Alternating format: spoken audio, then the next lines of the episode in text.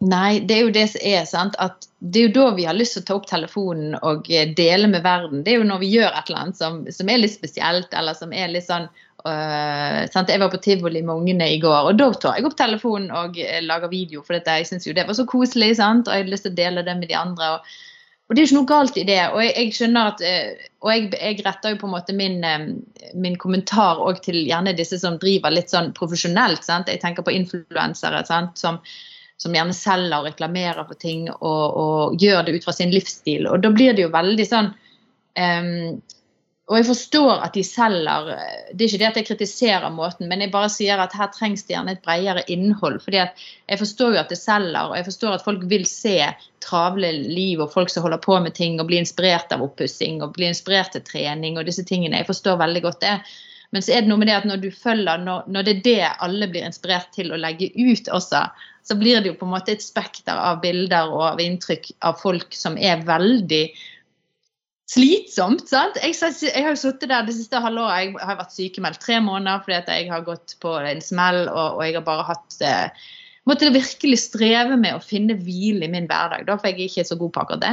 Um, jeg liker å ha mange jern i ild og mange ting jeg holder på med. Litt for mange ting. Uh, og så liksom når jeg da følger disse her, så, eh, så kjente jeg liksom åh, nå har ikke du hatt en fridag på lenge. For jeg følger jo sant, det er noen spesielle sånne som jeg syns er inspirerende og kjekt å følge i min hverdag. Jeg, jeg, jeg, liker de veldig godt, de inspirerer meg til mange ting. Men så liksom sånn, nå har ikke du hatt du har ikke hatt en fridag på kjempelenge nå. Må du sette deg ned og slappe litt av.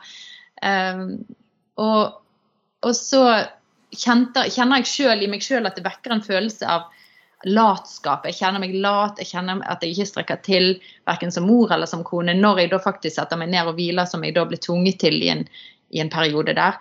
Um, og de følelsene lik, likte jeg ikke. Og, det, og liksom som en, jeg vil jo si, vi, vi som er i mammas hjerte, vi er jo influensere, vi òg. Vi, vi, er med og påvirker, vi er med og, og, og viser eh, til en type livsstil som mange følger. Eh, og og da har jeg liksom gått i meg sjøl og tenkt litt at åh, jeg skulle ønske vi kunne vist mer hvile, rett og slett. Det tror jeg folk òg trenger å se, at man ikke gjør noen ting. Fordi at eh, eh da vil det òg påvirke med at å ja, hun eh, tar seg en hviledag, det var lurt. Da gjør jeg òg det. Altså det har noe med at ja, man skal ikke bare Man skal kunne vise travle liv, men jeg tror vi òg trenger å være obs på, vi som er ute der og vi viser uh, forskjellige ting. Vi òg viser at vi hviler og setter oss ned. Eh, så det jeg har gått mye i meg sjøl og, og, tenkt hva er det jeg deler, hvorfor deler jeg det, hva er det dette fører til til den som sitter på andre enden, da.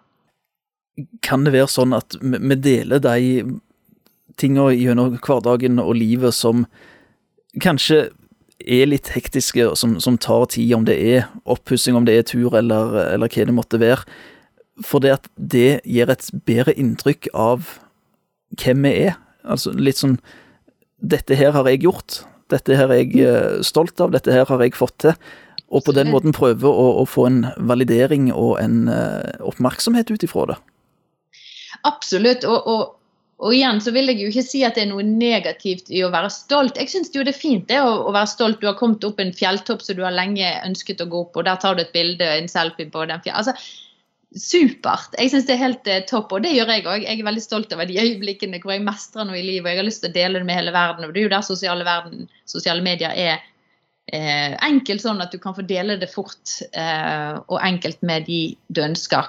Men så er det jo det jeg da stiller litt spørsmål med at hvis det er bare det vi deler, og alle de på en måte, alt det vi får til, og alle de eh, tingene vi er gode på, eller de tingene vi er stolt av, da får det litt sånn skeivt bilde av hvem du er som menneske. da. Eh, for vi alle har eh, sider av livet som vi ikke presterer like bra på, og vi har feil og mangler. Og, og gjerne vi burde hatt noen Gjerne ikke alle skal gjøre det, men at på en måte de som i hvert fall har en stemme der ute og deler av livene sine, de som velger å legge ut, at man kanskje velger av og til å legge drypp av et, litt ærligheten bakom. Da. Og vi i Mamma sier etter, vi er jo veldig opptatt av dette med bak fasaden. At vi skal vise at vi har det rotete. Vi skal vise at vi krangler med mannen, eller at vi Eh, vi ligger på sofaen og slapper av, og det er kaos rundt oss. Men, så det er liksom Det jeg vil ha frem, er jo bare at flere kunne vært med og satt en trend i sosiale medier av at man òg kan vise litt tårer, litt eh, snørr og litt eh, rot. For det tåler vi, og det tror jeg vi har så godt av som mennesker å se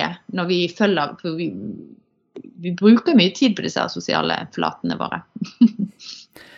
Kommer dere i Mammas hjerte til å lansere noe form for hashtag eller tilsvarende i, i sosiale medier, der dere oppfordrer lyttere både her nå og på, på podkasten deres til å dele bilder av seg sjøl der de legger beina på bordet eller uh, ligger strekk ut? Ikke dumt i det hele tatt. Jeg har jo ikke tenkt på det, men det var jo en veldig godt eh, Det finnes jo så mye hashtagger og sånt, men et godt forslag, altså. Det må vi ta inn og sjekke hvordan vi kunne gjort eh, et eller annet bak fasaden, eller type bein, bare hashtag 'beina på bordet'.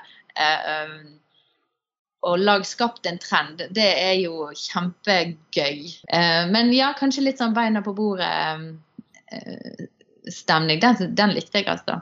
Men, um, ja, men, men, det blir jo mer at vi sant? Der er vi så forskjellige, vi som er i Mammas hjerte. Vi er jo seks damer som, som driver det. Og vi har forskjellige brannfakler, da, eh, kan du si. At det er jo noen som brenner for et, en type tema. Jeg vil jo si at jeg er den pådriveren og, og, som brenner for dette, og liksom holder den litt sånn Eh, høyt i vår gjeng, og så er det noen andre som snakker om andre ting.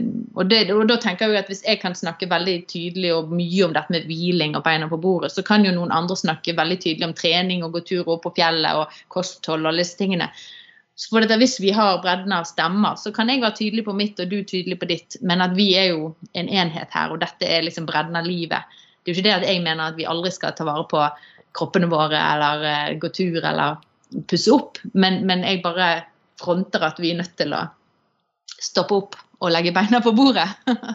Eh, og at det er viktig for både mødre, men òg generelt eh, mennesker. Altså. Vi trenger å hvile og stoppe opp og kjenne etter. Hvor er vi henne, og følelsene våre. Ja.